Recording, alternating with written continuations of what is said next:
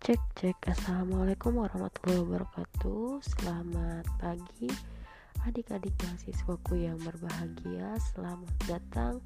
Berjumpa kembali di mata kuliah Kapitas Selekta Pada mata kuliah Kapitas Selekta ini Kalian akan dibawa pada suatu pembelajaran yang menguak berbagai macam permasalahan yang ada di pendidikan khususnya pembelajaran.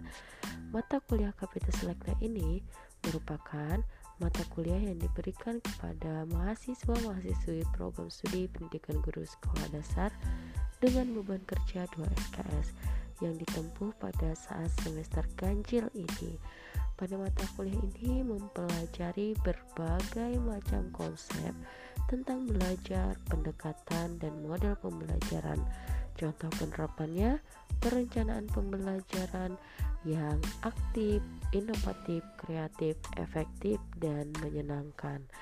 Dan tentunya pada mata kuliah Kapitas Selekta ini membahas tentang kumpulan masalah dari pembelajaran yang penting untuk terpilih dan dicarikan penyebab serta solusinya.